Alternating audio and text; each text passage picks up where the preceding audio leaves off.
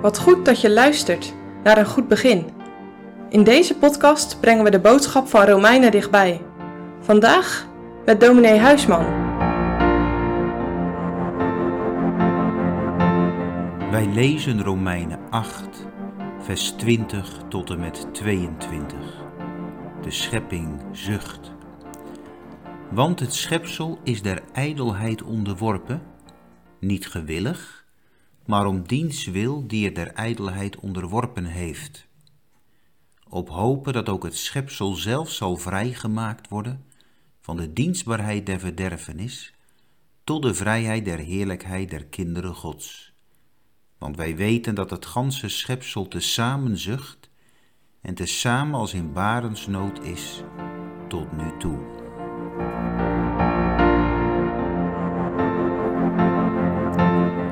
In de versen 20 tot en met 26 beschrijft Paulus drie keer een zuchten. Zuchten van het ganse schepsel. Zuchten van Gods kinderen, daar zullen we woensdag bij stilstaan. En het zuchten van de Heilige Geest in de harten van de gelovigen, daar zullen we donderdag bij stilstaan. Nu vandaag het schepsel dat zucht. Van dat schepsel zegt Paulus dat het der ijdelheid onderworpen is, niet gewillig, maar ook dat het zucht als in barensnood tot nu toe. En als Paulus het over het schepsel heeft, wie of wat bedoelt hij dan? Niet het schepsel wat in de hemel is, de engelen of de kinderen Gods, die al gestorven zijn. Ook niet Gods kinderen op de aarde, want we hebben gisteren gehoord in vers 19 dat het juist het schepsel is dat naar de openbaring van Gods kinderen in de heerlijkheid uitziet. Zijn het dan alle onbekeerde mensen? Mensen die van God niet weten? Maar dat kan ook niet, want zij hebben zich immers gewillig aan de zonde en de ijdelheid onderworpen. Maar vers 20 spreekt van niet gewillig. Wat bedoelt Paulus dan? Hij bedoelt de redeloze schepselen, de dieren en de natuur. Paulus gebruikt een vorm van beeldspraak. Want hoe kan een boom zuchten? De natuur. En hoe kan de zee hopen? O de natuur. Toch lezen we dit vaker in de Bijbel. De velden huppelen, het woud juicht, de rivieren klappen in de handen.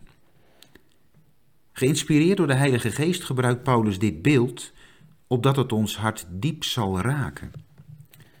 Dat het schepsel zucht komt door onze zonde.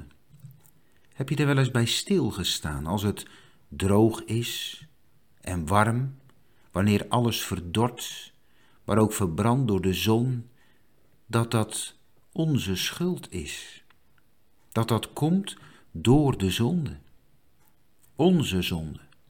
En denk eens aan de dieren die lijden.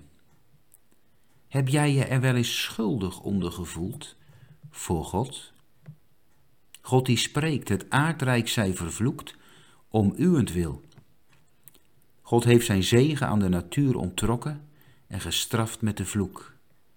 Aangrijpend, zodat de schepping nu ligt onder de ijdelheid en de dienstbaarheid der verderfenis. Toch heeft het schepsel ook hoop en verwachting. We lezen immers in vers 21 van vrijgemaakt worden van de dienstbaarheid des verderfenis. En we lezen ook in vers 22 van zuchten en in barensnood zijn. Als een moeder gaat bevallen, dan is er barensnood, een signaal dat het kindje eraan komt, bijna geboren zal worden.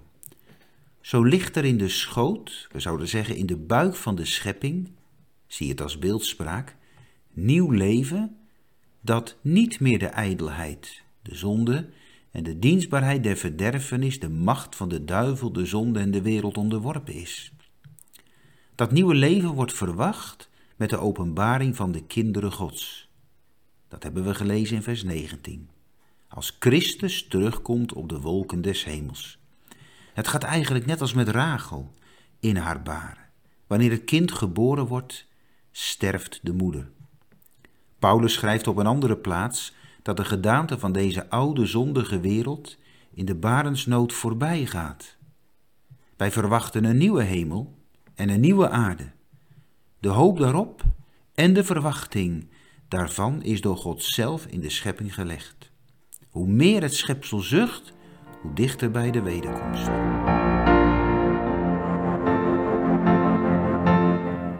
Wat een treffend beeld. Misschien was het ook wel een moeilijk beeld als je zo geluisterd hebt. Een schepping die hoopt en verwacht. Maar wat is jouw hoop en verwachting? Zie je ook uit naar die nieuwe hemel en die nieuwe aarde? Is er ook in jouw hart een zuchten, kom Heere Jezus, ja kom haastelijk? Gelijk een het schreeuwt naar de waterstromen, alzo schreeuwt mijn ziel tot u, o God. Hoe kijk jij naar de schepping?